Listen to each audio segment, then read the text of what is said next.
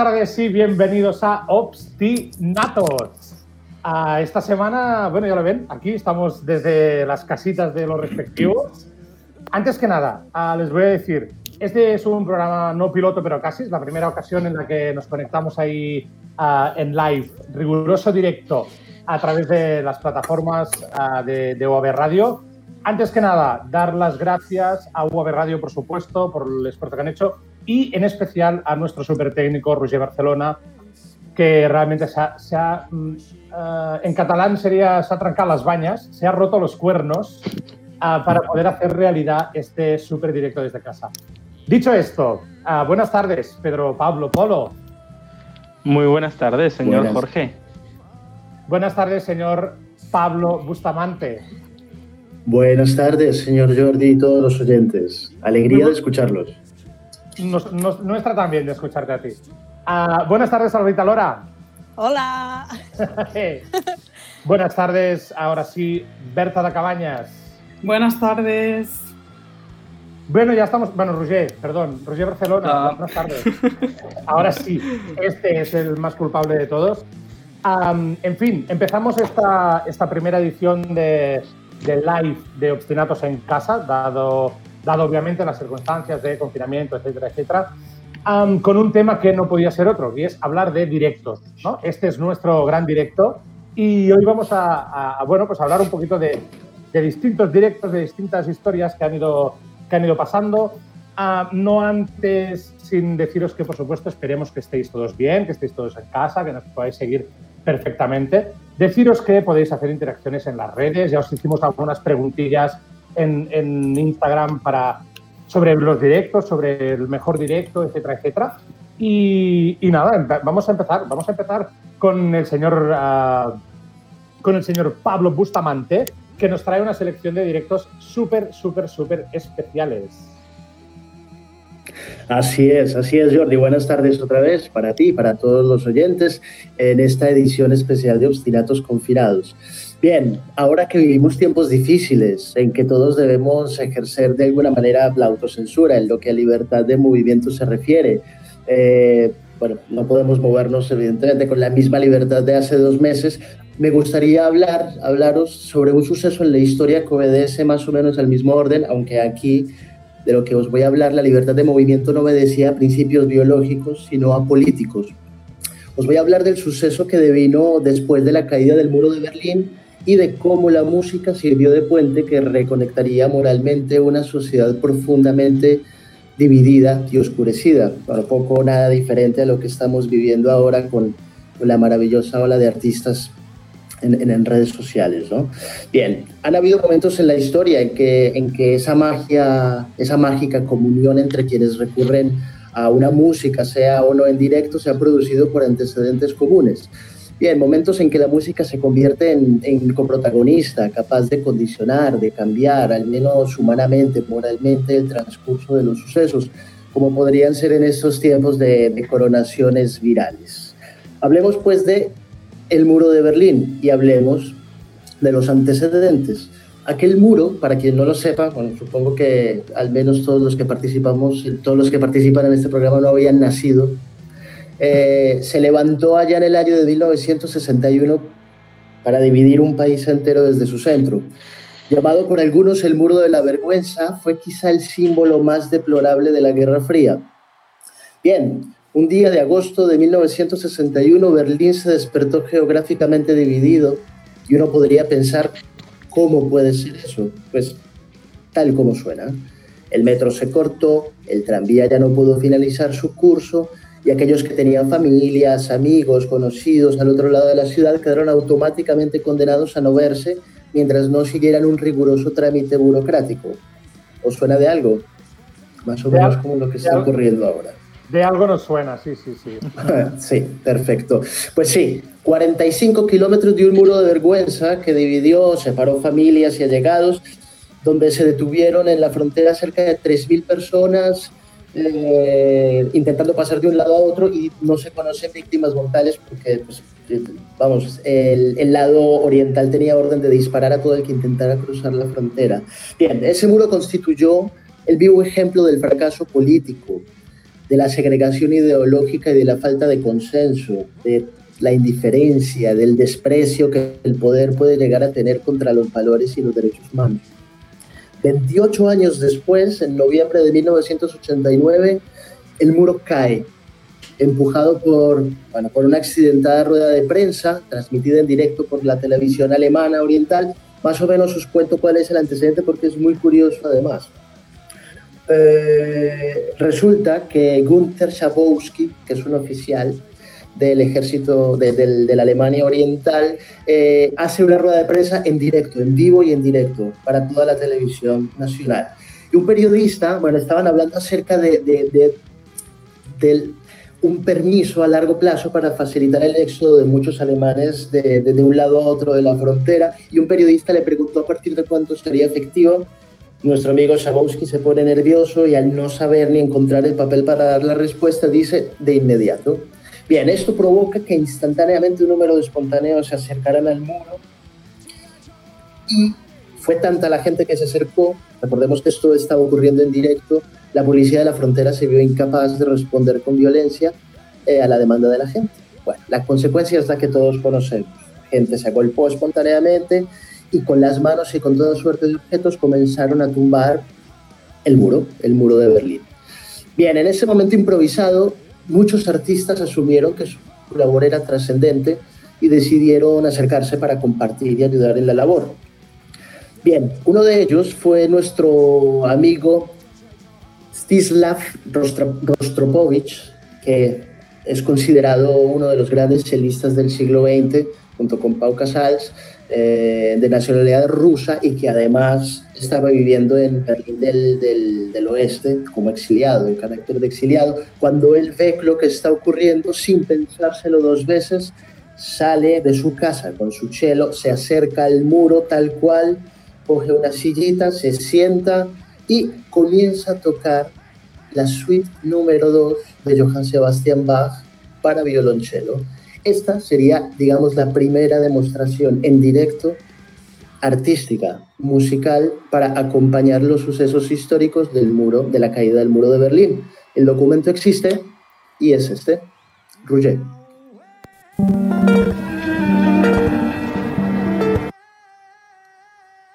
Vale, perdón. Primero, ahora sí.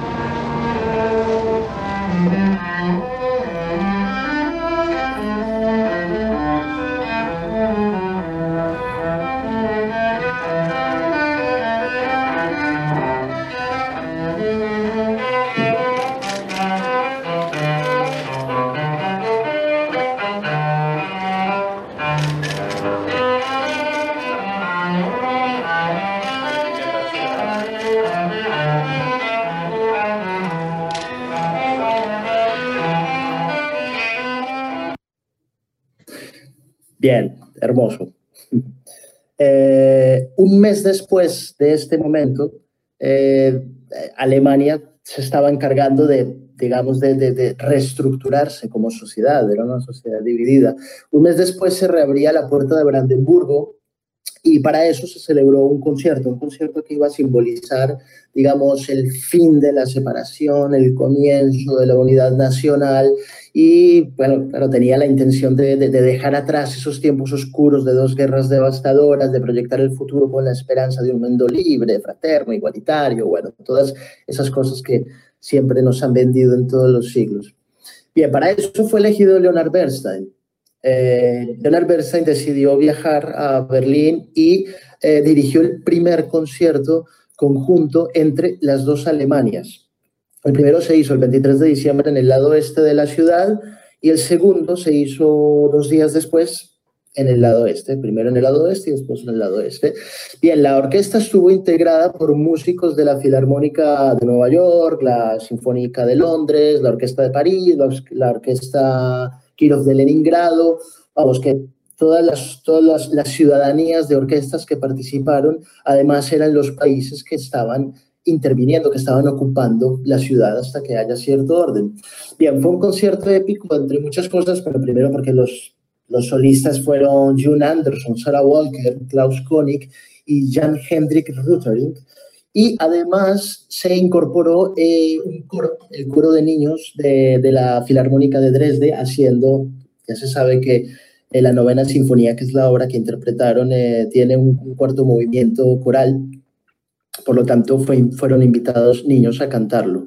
Bien, aparte de eso, la novedad, fuera del teatro había en la plaza de Brandenburgo, de Brandenburgo y otras plazas, habían pantallas gigantes en las que se congregaron más o menos unas 6.000 personas para presenciar el concierto.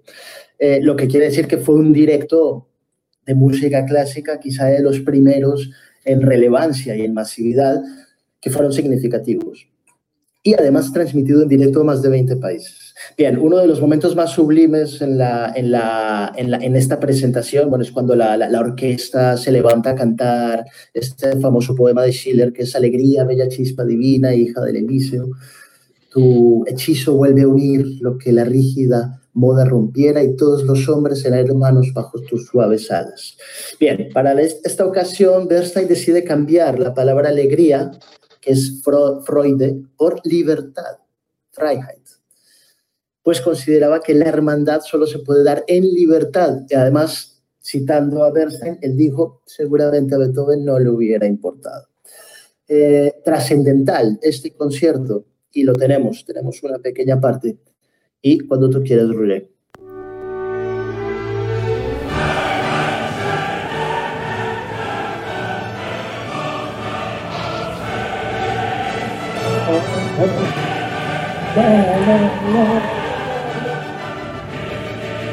La, la variación de Verstappen, ¿no?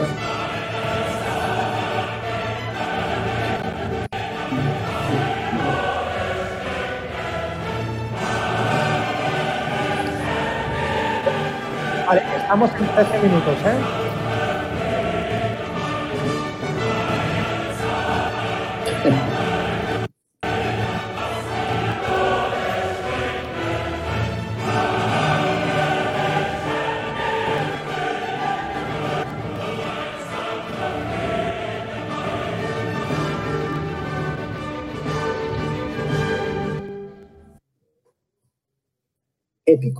Épico. Bien, ocho meses después, el 21 de julio de 1990, se realiza en la Potsdamer Platz eh, The Wall, Live in Berlín. Claro, si estamos hablando de un muro que cae, es obvio que había que, pensar en Pink Floyd.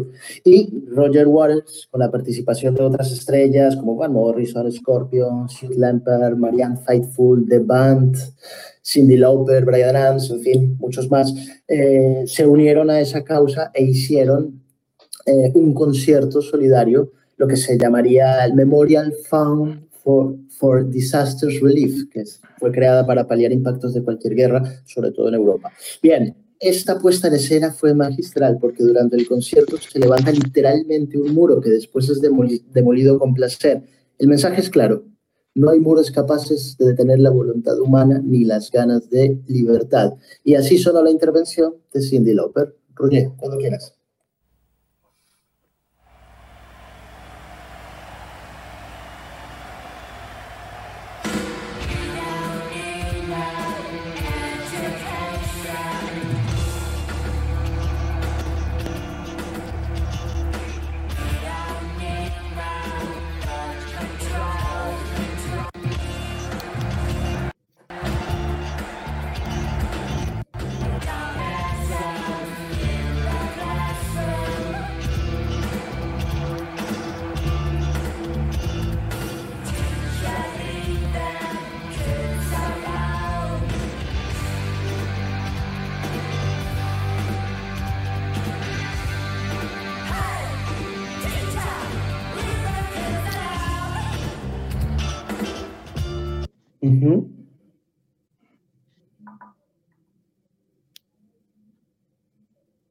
Bien.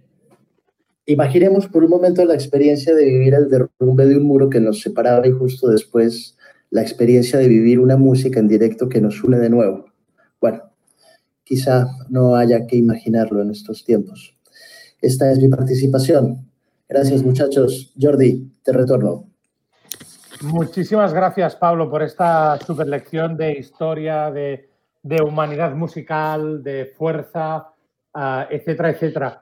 Ah, increíble, por otro lado, las similitudes ¿no? que, podemos ver, los paralelismos ah, con, algunas situaciones que estamos, estamos viviendo.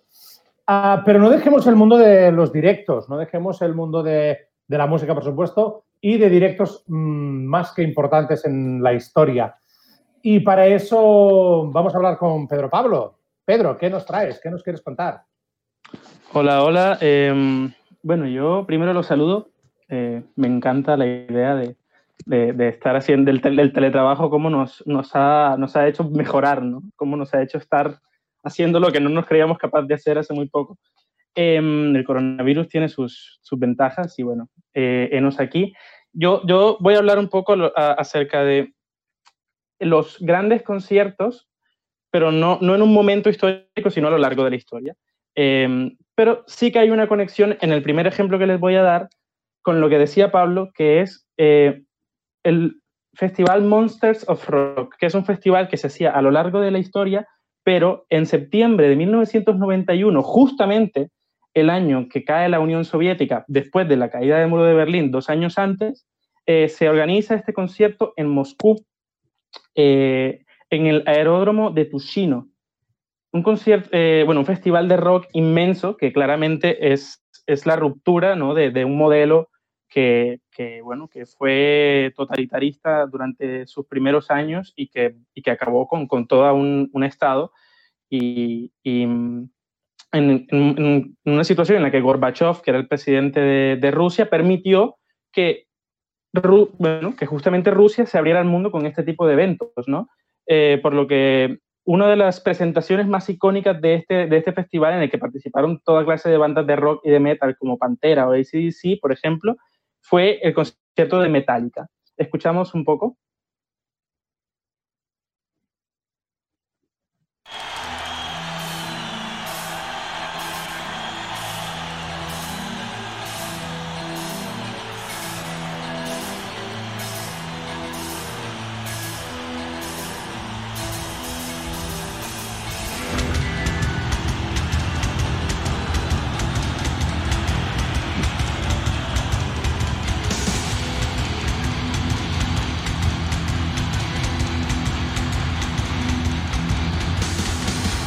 Vale.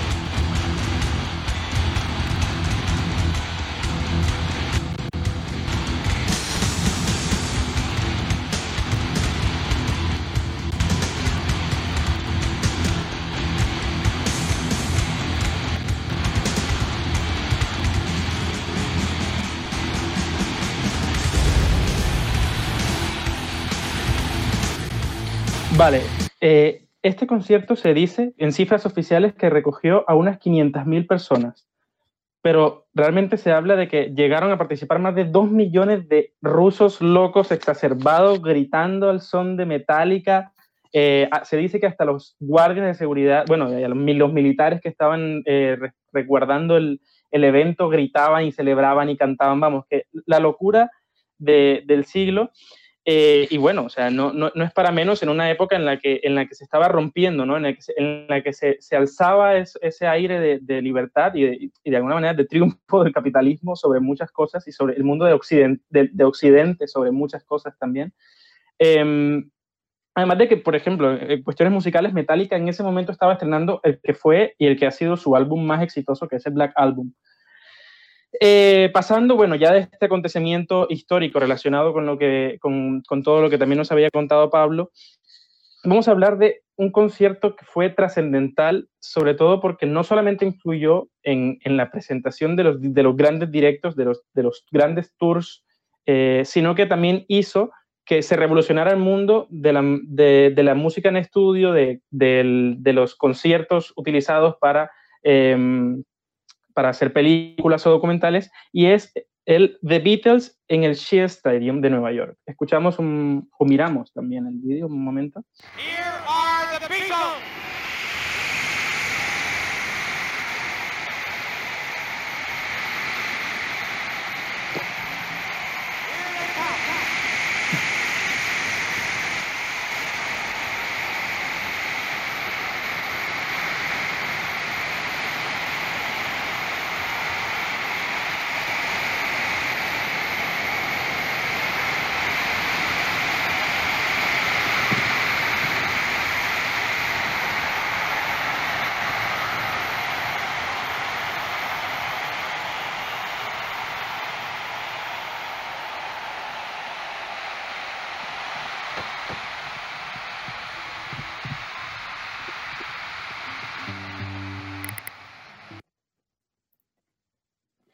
Vale, y, lo que hemos escuchado ahora ha sido un ruido descomunal. ¿Por qué? Porque en este concierto, que su parte más icónica es justamente esa, que los Beatles no se escucharon, no escuchaban nada, no se escuchaban entre ellos, lo único que escuchaban era el ruido, el escándalo, el caos, y de hecho, gracias a este concierto fue cuando, eh, que se dice que John Lennon le propuso a la banda no volver a tocar en vivo nunca más, eh, y eso también hizo que los Beatles se revolucionaran en cuanto al, mundo de, la música de estudio, porque claro, al ser conscientes de que no iban a tocar lo que iban a grabar, pues se pusieron a experimentar un montón y crearon una cantidad de, música eh, muy revolucionaria con, adaptaciones a las tecnologías más, a la vanguardia de la época y bueno, hizo que The Beatles también fuera una de las bandas más icónicas en cuanto a revolución eh, sonora que, existía en la música. Eh, ciertamente esto, este, este vídeo que escuchamos es parte de un documental que de hecho fue financiado por Ed Sullivan eh, y producido por Ed Sullivan, de, eh, perdón, y claro, también es, esa llegada muestra la llegada de la masividad en los conciertos, fue uno de los conciertos que más dinero recaudó en su momento, se habla de 500 mil dólares, que eso es una barbaridad, hablando de 1965, que fue la época en la que se hizo el concierto. Eh, los Beatles, además, mostrando el excentricismo, ¿no? Llegaron en helicóptero, luego se montaron en un bus blindado que entraron al, entraron al, al estadio en bus, bueno, sobre gritos de la gente, la gente se desmayaba. Bueno, una locura, el caos y, claro, eso hizo que también este, este, el, el, fenómeno fan, ¿no? Fuera el boom de, de la época de los 60 y 70. Y bueno, por último, voy a hablar de algo muy particular y yo creo que es quizá el evento no realizado más importante de la historia de la música, porque voy a hablar de un no concierto, de un no directo y es de la, gira de This Is It de Michael Jackson, de, que estaba pensada para el O2 Arena, eh, que se iba a organizar entre eh, 2009 y 2010. Eh, vemos un poco el tráiler de lo que fue después un documental. This is it. It's an adventure. It's a great adventure. You want to take places you've never been before.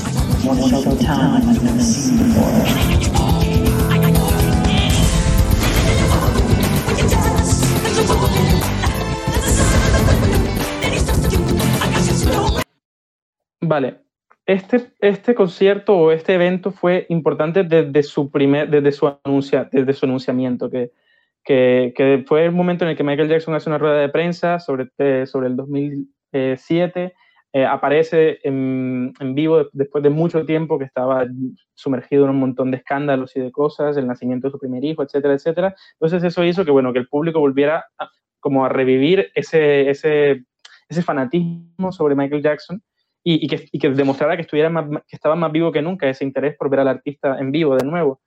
Eh, en ese momento anuncian 10 conciertos, pero la situación se vuelve tan extrema y la gente desea tanto ver a Michael Jackson que terminan anunciándose 40 conciertos más, o sea, 50 conciertos para tocar en un solo estadio, en una sola ciudad durante un año. Vamos, una, una locura eh, extravagante. Se dice que también en, los primeros, en las primeras preventas de los primeros 10 conciertos se, se recogieron más de 50 millones de libras esterlinas. Una locura absurda. Y que además de todo, bueno, Columbia Pictures tenía los derechos de los ensayos, por lo que al morir Michael Jackson, claramente no se pudo realizar el concierto. Michael Jackson muere 20 días antes de que iba a viajar a Londres para, para empezar la gira. Bueno, la gira, el, el, el, el tour, porque al final no, no, no, era una gira, todo eso dentro de la misma ciudad. Y, y claro, él, él muere por, por, razones que todavía no se termina de, que, que, también son parte de la polémica, como toda su vida, también su muerte también es una polémica. Eh, y muere y no se puede realizar el concierto. Hay una, hay una serie de, bueno, de, de, imágenes que sí que fueron capturadas de la preparación del concierto, que terminaron siendo una película y un documental también muy interesante y que, y que bueno, que, que es el, el, gran no concierto, ¿no? O sea, es el gran evento que nunca se realizó y que, y que bueno, dejó, dejó a mucha gente muy, muy perpleja porque, porque claro, Michael, era el retorno de, del gran Michael Jackson a los escenarios, ¿no? Es, y esa es, un... es mi, mi presentación de hoy. Es un poco lo que ha ocurrido con todos los músicos de, de, la mitad del mundo durante esta cuarentena, ¿no? Los no conciertos y las no giras son las que han tomado el relievo a las actuaciones de las funciones. Totalmente. Dicho esto, muchas gracias, um, Pedro, por tus super aportaciones y por esta lista tan guay de, de vídeos que además ahora podemos ver y no hace falta comentar uh, imágenes, las, las por podemos fin. ver aquí, gracias por a Dios. Y, y, le va el turnito a Berta, Berta de Cabañas.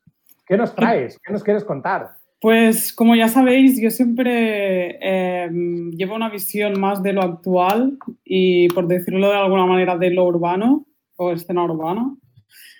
Y hoy eh, os traigo, relacionando con el tema de los directos, voy a hacer una comparación entre los conciertos de trap y de punk. Eh, quizás a algunos les parece una locura y a otros les parece muy evidente. Eh, he estado investigando un poco y hay muchos factores que, pues, que se, se parecen un montón en, en, los dos, en los dos estilos de hacer conciertos, como la espontaneidad, eh, la conexión con el público, que es muy importante, eh, la fiesta, el amat amateurismo, depende de, supongo, del punto de vista desde que se mire, la destrucción, la estética, la actitud punk, que para definirla un poco sería como un poco respeto hacia las autoridades y los convenios sociales, y también la creación de pogos. Eh, vale, también cabe, hace falta decir que, por ejemplo, en el, en el trap, eh, o sea, un, un, factor que sí que se diferencia mucho del punk es que hay una cosa en especial que es que en los directos tiran los temas eh, por debajo. Quiero decir, ellos ponen la canción tal como está grabada originalmente y cantan encima. Y no es con intención de hacer karaoke, o sea, lo hacen adrede. Es evidente que no están cantando la canción, digamos. A ver, a ver, ¿nos puedes recontar no. esto? ¿Es como, hacer un play, ¿Es como hacer un playback de ti mismo, recantado? Es que no es ni playback, porque no estás simulando que estás cantando. O sea, el tema es que ellos se le llama tirar el tema y cantar por encima. O sea, ellos tiran el tema y entonces se ponen a cantar por encima. Hay ratos que no cantan, que simplemente están animando el público, quizás. Bueno, ahora verán, veremos su relación con el público también. Y, y eso, que no, no, no, le dan tanta importancia a ese hecho en el directo. Quizás como en, otros géneros. Eh, vale, he llevado unos ejemplos. Ahora para comparar, podemos, vamos a ver eh, un fragmento de, de La Polla Records del año 97 y otro fragmento de Purgang en Chile en 2016 para que veáis un poco las similitudes entre los dos eh, conciertos. ¡Ah! ¡Lavando el dinero de la mafia, apoyando la criminalidad! ¡Vamos, los duros a la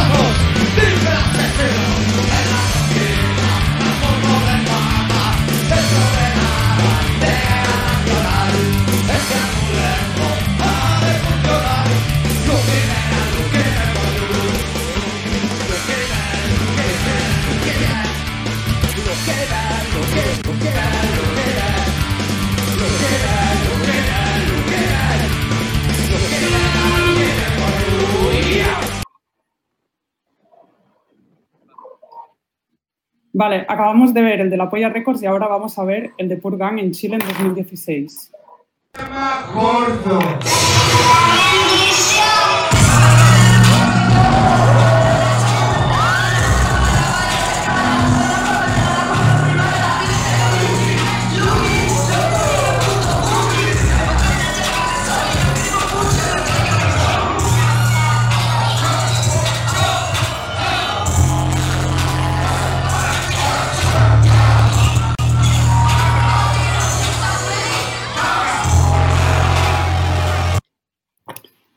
Vale, creo que después de ver estos dos fragmentos es bastante evidente las similitudes y se puede más o menos intuir algún poco por ahí en, en los dos ejemplos.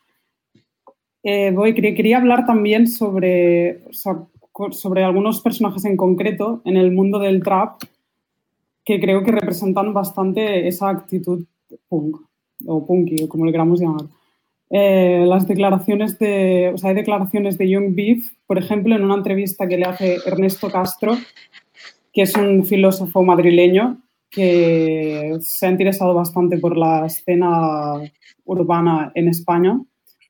Y en esta, en esta entrevista le pregunta a Young Beef por los directos y Young Beef asegura que que ellos tienen otro concepto del directo, que no se asemeja al tradicional y literalmente dice, en mis directos la música, las instrumentales son las que tienen que elevar, las que tienen que elevar, las que te mueven. Y yo soy como el que se encarga de manejar al público, llevarlo arriba y abajo. En verdad, lo que hacemos es punk. Tal vez solo en un directo es donde yo voy a faltar al respeto a la gente, pero porque es otro contexto. No estoy faltando el, el respeto, sino produciendo sensaciones. Vale, aquí deja bastante evidente, o sea, incluso ellos mismos se, se consideran que tienen una actitud punk en el escenario. Hay otro caso de una, otra entrevista de Young Beef en el programa del bloque que les recomiendo si os queréis enterar un poco de la escena urbana en España. El, todo el programa está en YouTube y bueno, en una de estas entrevistas también le preguntan a Young Beef cómo concibe los directos y su respuesta es de una manera más explosiva, con subidones y llevando al extremo lo punky. Y de hecho cuenta una anécdota de que mucha gente va a sus conciertos a bailar reggaetón, porque también está bastante ese género presente en esa escena, y acaban con una pierna en la cabeza, por decir algo. En plan, que hay pogos bestias bastante punk y todo. Y por último, el último personaje que llevo es el de Cecilio G, que es un trapero de Barcelona, de Poblano en concreto, que este en especial, ya aparte de su carrera en el mundo del trap, tiene un grupo de punk que se llama Yo no soy tu padre. Increíble. a mí, me, a mí me, causa curiosidad esto de, o sea, porque claro, el punk es un, es un género agresivo, ¿no? Y ágil, y hay y hay, y hay como, o sea, en cuanto a tempo es, es rápido y el trap es lento. Es lento, pero por otra parte tiene los hi-hats que van a mil por hora. Berta, por Berta, por favor, deja de decir palabras que no comprendo. ¿Qué son los, hats? Los hi-hats es, la parte de la batería que hace. ah, vale. El, Charles. los platillos. Claro, yo soy más de la época en la que Pablo empezaba, del muro de Berlín y tal. Los, hi-hats me quedan lejos. Pues los tenemos que actualizar. Ahí vamos, para eso, para eso estás aquí, por eso somos colegas, Berta. Exacto. Vale, pues Cecilio, en, también en una entrevista del bloque, y repito, el bloque es muy, un programa muy interesante, eh, en un capítulo eh, le dicen, o sea, le preguntan también por los principios de cuando él empezaba a dar directos, porque el tema es que Cecilio G en los directos eh, resulta que insultaba a la gente, les decía que por qué habían comprado entradas, o sea, cómo eran tan imbéciles de haber comprado entradas para ir a su concierto. Y bueno, esto, claro, creó polémica en el momento. En esta entrevista en concreto, Cecilio dice que ha cambiado su punto de vista un poco y que cree que al final se ha dado cuenta que tiene que respetar a su público. Pero en conclusión, yo quería llegar a que me choca un poco que todos eh, den mucha la importancia a conectar con el público, pero a la vez están diciendo que van a insultar, o sea, que, que, se creen que no pasa nada si insultan al público y tal, ¿sabes? O sea, es una curiosidad, creo, importante, porque ¿cómo se establece esa conexión si estás insultando al público? Tal cual. No me imagino a gente insultando a Montserrat Caballé en el liceo. Sería curioso, en verdad. Pero claro, es eso. O sea, insultan al público, pero a la vez resaltan lo importante para ellos de fusionarse con el público. No como verlos como aparte del show, digamos, sino como que el público esté integrado en el show. Bueno, y ahora veremos el último fragmento, que es de un concierto de Cecilio que creo que ya se va a hacer más que evidente que la estética, por ejemplo, es muy punky.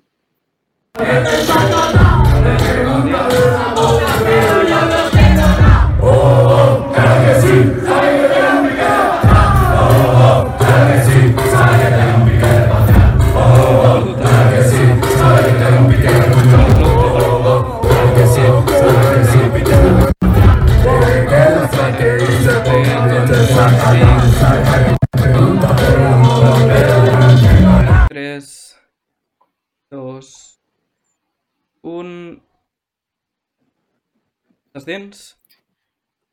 Vale, pues em, como he dicho hace nada, antes del fragmento, es evidente la estética punk sobre todo. Podemos ver a Cecilio G eh, con el pelo de colores, rapado, con manchas en la cabeza y la actitud, la actitud y todo lo que envuelve el directo, podríamos decir que es muy, muy similar al punk. Sí, sí, sin lugar a duda, ¿no? Viendo, viendo, viendo los vídeos queda como mucho más claro de lo que uno se imagina escuchando lo que decías. O sea, increíble. ¿Alguna aportación más importante sobre el punk y el trap? Ah, Pedro Yo está creo que lo, tranquilo. lo- lo único, lo único que es que na- nadie, nadie se lo imaginaría. ¿eh? O sea, cuando, cuando nos lo presentaste el tema fue como el punk y el trap. O sea, son dos cosas que en mi cabeza no estaban juntas, vamos, como las pastas con, con el café. No, no, tienen, no pintan nada. Pues Solo, solo comparten la P, uno al principio y la otra al final. para, para mucha gente tengo que decir que es súper evidente la similitud y que de hecho Wow. Si miras en las maneras de, o sea, en el momento, en cómo se criticaba al punk, lo podrías aplicar un poco al trap ahora. Y no, se- no sería tan diferente las críticas que hay hacia el género. Sí, sí, increíble, es súper interesante. Muchas gracias, Berta, por, tu, por tus explicaciones y inoculaciones de conocimiento urbano. A vosotros. Dicho esto, y para contrarrestar un poco estas basuras populares modernas que nos trae Berta de Cabañas siempre, voy a Eh, un volver... momento, un momento de respeto. O sea, un poco de respeto, por favor, por lo urbano. Eh, Está Gracias. aplicando lo mismo, está aplicando lo mismo que, que aplican los cantantes de trap, ¿no? O sea, insulta a su público para, para, para sentirse No amado. sé, no sé si yo puedo insultar aquí porque si no, no sé. No, no, mal, mal, insultar caca. Ah, no, era una broma. Pero bueno, como para contraponerse a todo esto, ah, os voy a hablar ahora de mis cosas que me gustan a mí. Ah, vamos a hablar de directos ah, de cantantes de ópera. Voy a ser muy, muy breve porque, porque es tan fácil como meterse en YouTube y decir crack opera singer y aparecen 20.000 gallos por ahí de, de todas, de todas formas. Pero si hay uno que es mítico y famosísimo y conocidísimo, es el de Josep Carreras. Ah, vamos, vamos a escucharlo, porfa.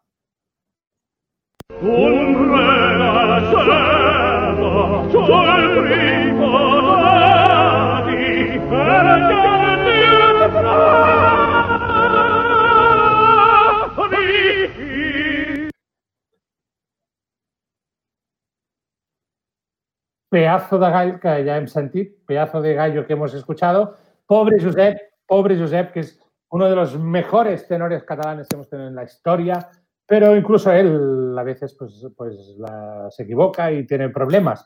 Am, debo decir que, muy a pesar mío, no teníamos imágenes en directo, o sea, este vídeo es, un- es un- una recogida de audio con una, con una foto, bueno, con el tenor bastante en pose de ser cantante, Ah, pero el audio valía, valía, valía muchísimo la pena. En otra línea, y para no irnos solo a que los cantantes hacen gallos y tal, vamos a ver ahora un vídeo muy curioso en, el que está Jonas Kaufmann cantando en La Scala de Milán. Para todos aquellos que conocéis el mundo de la lírica, pues sabéis que La Scala de Milán es como el templo de, de la ópera, ¿no? Donde, donde están los, los, ah, el público más crítico ah, etcétera. Vamos a ver qué le pasa a Jonas Kaufmann después de hacer un concierto recital. Él da un concierto y esto que vais a ver es el bis de este concierto. Vamos a verlo.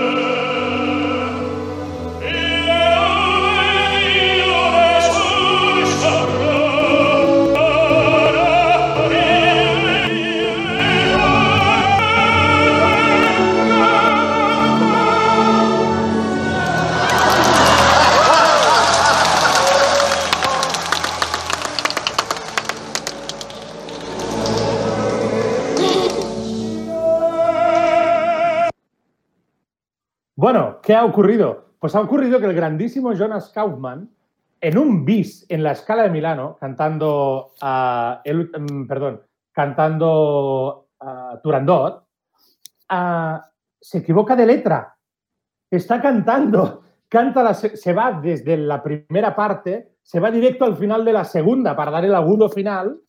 Y claro, resulta que no, que lo que tiene que hacer es volver a repetir el, el aria y hacer la segunda parte ah, del da capo, digamos así, y no, y no es capaz de hacerlo, pero el público de la escala le quiere tanto que, que le aplaude igual, él se ríe y hay que decir que, bueno, en un bis, después de que el tenor cantara todas las áreas de tenor habidas y por haber y todos le quisieran un montón, pues no, no había mucho problema en eso.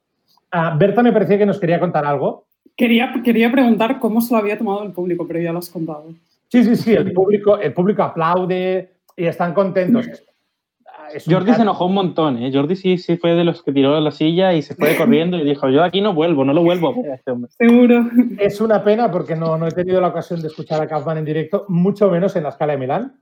Pero si esta reacción del público de la escala ah, es una buena, ¿no? El público estaba contento y no pasó nada y todo es como un guiño, vamos a ver qué ocurre con otro tenor, con, el tenor francés Alaña, a Roberto Alaña, en la misma escala de Milano, unos años antes, pero no, no es importante los años. Veamos el vídeo y, y creo que lo vais a entender, pero si no, os lo cuento después de verlo.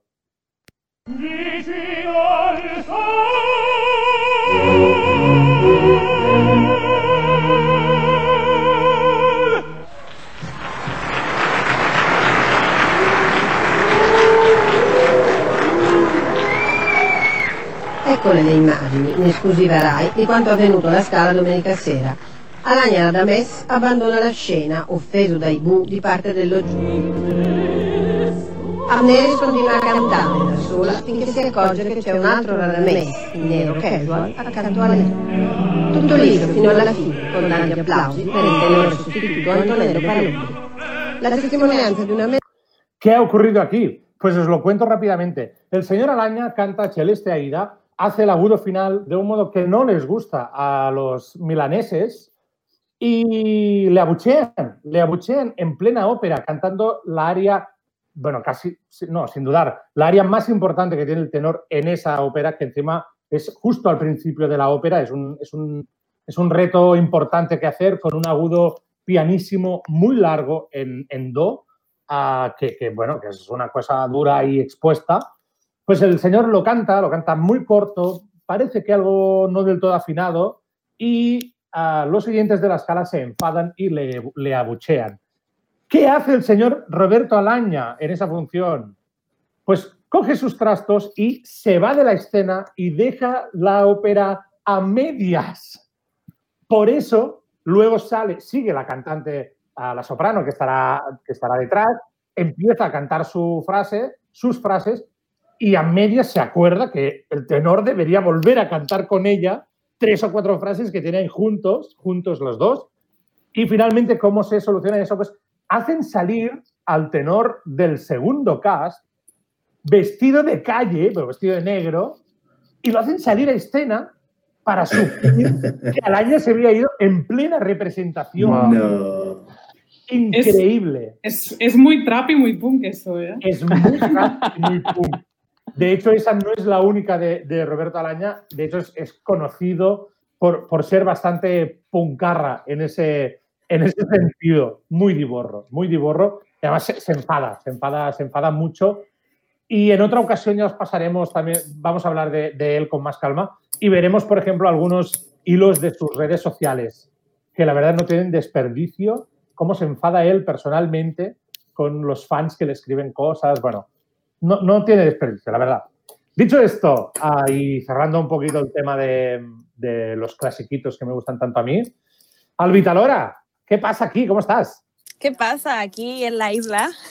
En la isla. En ¿Qué la isla estás estoy, aquí, ¿has visto? Bueno, ¿cómo no? ¿Qué nos Os traigo la parte de redes sociales, como siempre. Recordad primero seguirnos en obstinatos, arroba obstinatos, tanto en Instagram como Facebook como Twitter. Y bueno, sé que algunos de vosotros habéis hecho una encuesta por Instagram y habéis preguntado a la gente a ver cuáles habían sido esos conciertos que les habían gustado, que habían ido en directo. A ver, ¿tenéis respuestas de eso? A ver, a ver, ¿qué nos cuentan? ¿Qué nos cuentan?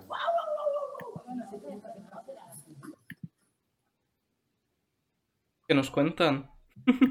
Pedro, Berta. Pues habéis quedado mudos todos. Os digo, os, os la respuesta. Jordi dirige. ¿eh? Todo- todos a la vez, no, por favor. Vale, vamos a empezar por Berta, que estaba muy encaminada ya. Vale, a mí me han respondido. Víctor, ¿qué hemos preguntado? ¿Qué hemos preguntado? los directos ah, ah, que hemos preguntado. Eh, yo, en concreto, había puesto el, mo- el mejor concierto de tu vida. Más o menos esa, esa era la idea. Eh, Víctor Young me contesta, Tash Sultana a Shelburne, Vermont en 2019. Muy bien, son unos gente que los conocen en su casa, ¿no? Tash Sultana, bueno, es una chica que es bastante bestia, o sea, está, está muy guay lo que hace. Eh, no sé cómo describirla, pero la he escuchado alguna vez y está guay, está guay. O sea, toca la guitarra, usa loop stations, eh, muchos pedales, se monta la fiesta ella sola. Seguimos con esas palabrejas, ¿eh? Look Stations, que eso es como una, una parada de metro del look. ¿no? Jordi, que, que no eres tan viejo. O sea, estás desactualizado. No eres tan viejo. Jordi, o sea, te llevas pocos años conmigo. Ya, Espabila. Es cierto. Me vas a hacer un máster.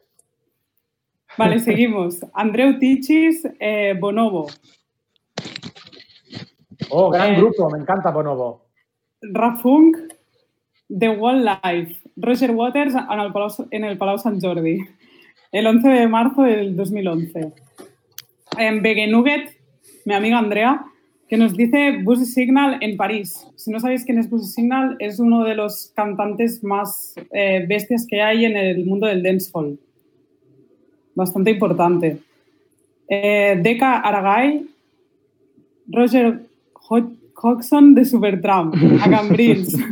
va firmar un CD, dice. Vaya.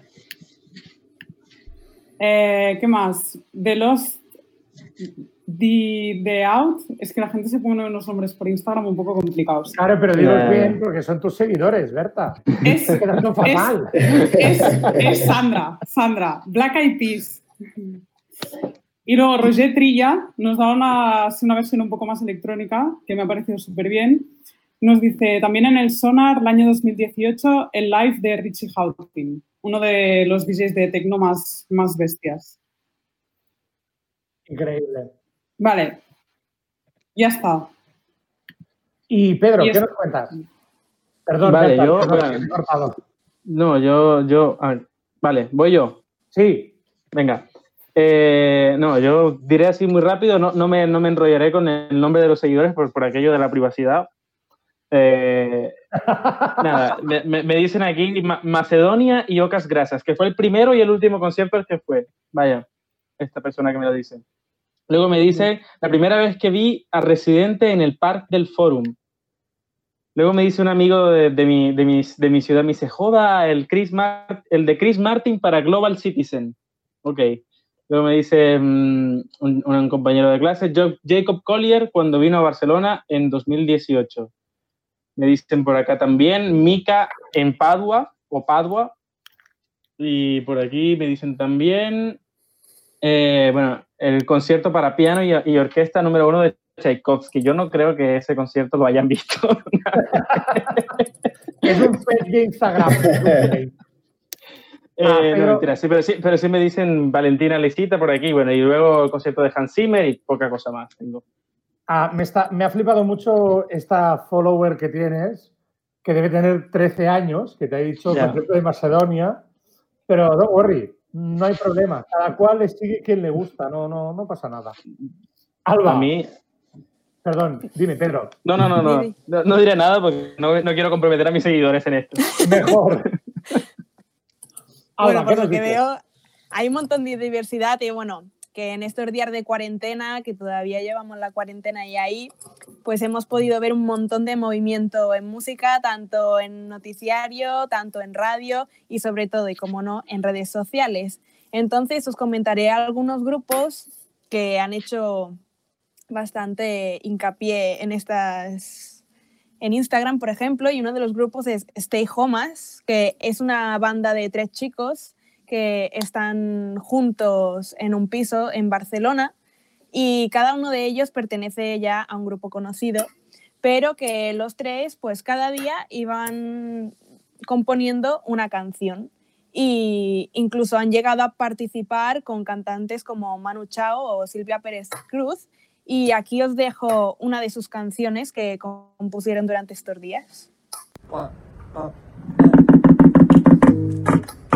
Combination nine and number right.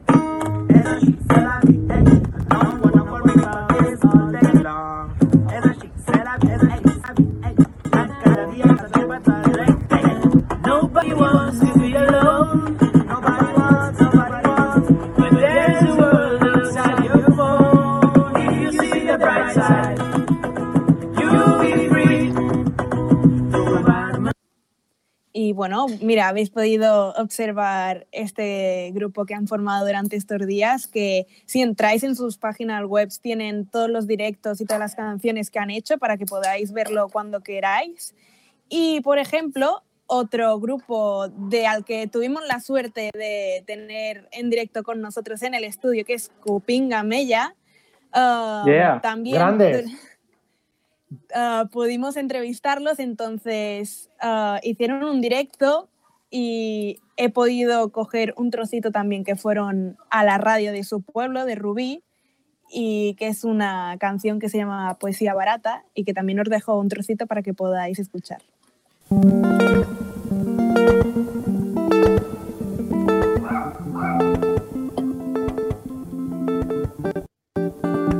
Rendido a tus pies me proclamo, rey de este momento, del aroma de verano y de sentarme el rato a mirar pequeño el cielo. Que las penas son ligeras siempre que te tengo al lado. Solo quiero nadar, sumergirme en tu pelo mientras no pueda pensar. Seguiré siendo una risa, una mirada, una borrachera despreocupada, de cerveza barata, en botella o en lata solamente fría. Como tú, para acordarme de tus labios, para olvidarme de mis penas, para pasar otra condena sabiendo que no me piensas. Que solo hay manchas de alquitrán, que me jode respirar y que no encuentro otro tabaco más barato. Que sabe a color negro y a un mal trago. Pero me quedan las monedas justas para pasar el rato y si es contigo, intentaré que dure hasta el olvido. Por eso acorto el tiempo, para que haya menos pena, para que no te vea llorar la luna llena. Que la pobre solo piensa en tirarte algunas flores y tú como la jodes ahora vive una condena. Pero la luna me llena, quiero huir de aquí. Pero pesan mucho las cadenas y hoy vuelo a Carmen por andar buscando un sustituto reír.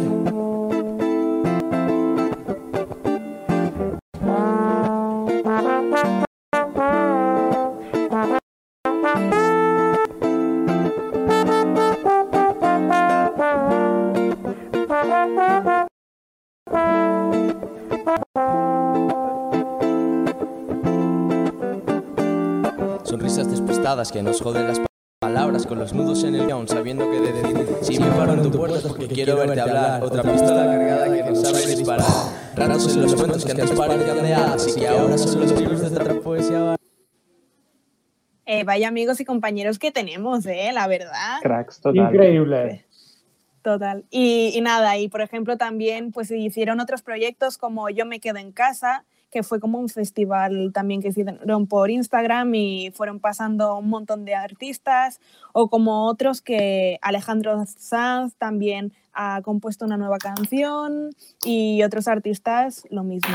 Pero bueno, ya, ya sabéis que si entráis en las redes sociales hay un montón de páginas para ver conciertos que tenemos la oportunidad, ya que ahora, y seguro que más de a uno de nosotros nos han anulado conciertos que teníamos ganas de ir, ¿eh, Pedro? Total. Y que teníamos ganas de hacer. Y, y que También. tenéis- sí. Y festivales, festivales. De todo. Exacto. A fondo. Pero bueno, Así así es. que, Pues muchas así que gracias. nada. Y Jordi, adelante. Muchas gracias, Alba. Y nada, chicos, espectadores y queridos oyentes, hoy teníamos una sorpresita que aquí el Menda debería haber anunciado al primer momento, pero nunca lo hice. Ah, pero la tenemos, tenemos una sorpresa muy guay y es que hoy en este Super Live especial de Obstinatos en Casa, que por cierto, ah, ya les anuncio que se va a seguir ah, alargando en el tiempo, ¿no? Tendremos otras lives de Obstinatos mientras no podamos ir a grabar al estudio. Nuestro amigo y queridísimo Pedro Pablo nos va a despedir acompañando con una canción súper bonita, con todo su arte. Y nada, chicos, nada más, Alba, muchísimas gracias. A vosotros y a ver si nos vemos pronto también. Pablo, muchísimas gracias por tus aportes. Un abrazo confinado para todos. Hasta la próxima, muchachos. Gracias. A Berta, un, un agradecimiento por tu superclase de Supertrap y de palabras inglesas que no saben nada. Gracias a vosotros. Roger, hoy más que nunca, muchísimas gracias por la currada que te has pegado. Y, y nada, que estamos ahí y ha sido un programa súper interesante. Muchas gracias a todos. Pedro, gracias a ti también. Un abrazo un enorme. placer. Muchas ganas de abrazaros a todos. Y a nuestros oyentes también. Obstinatos, ah, cierra por hoy el chiringuito. Nos vemos la semana que viene. Muchísimas gracias a todos. Comentarios en las redes, donde queráis. Somos todos vuestros. Pedro, muchas gracias. Vale, chicos, es un placer. Nos vemos pronto. Los quiero mucho y nada, vamos a escuchar Amigo de la Luna, que es la canción que, le, que saqué con el, con el disco del que les hablé hace un, hace un par de, de programas y ahí va.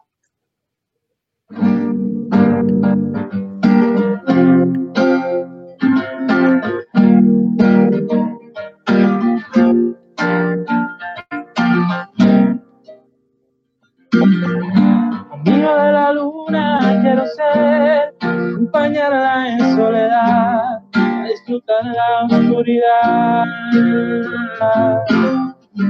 Para admirarme su paciencia, para extrañarme de su ausencia.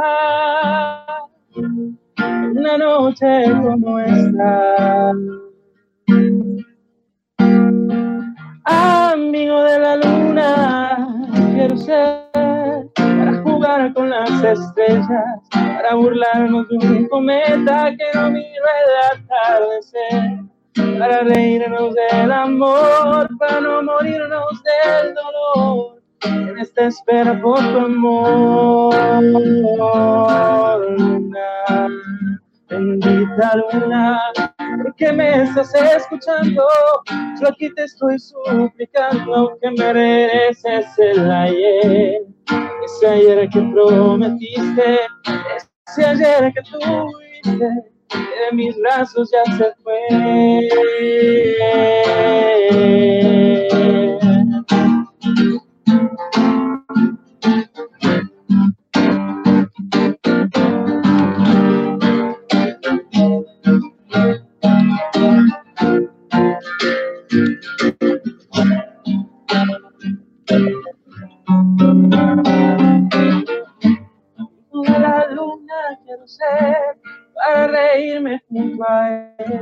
Para que me vea crecer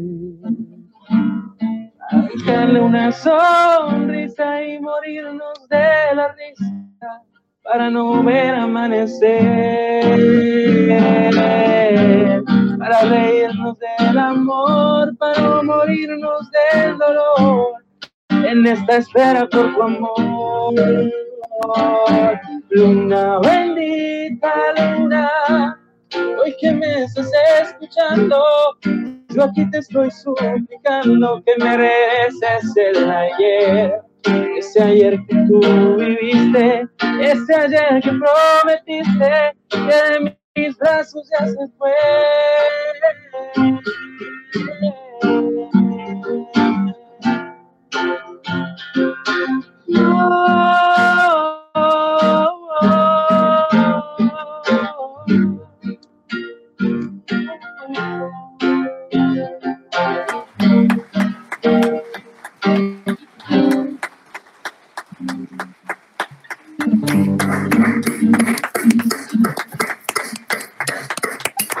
¡Bravo! Nos vemos la próxima semana. ¡Éxito!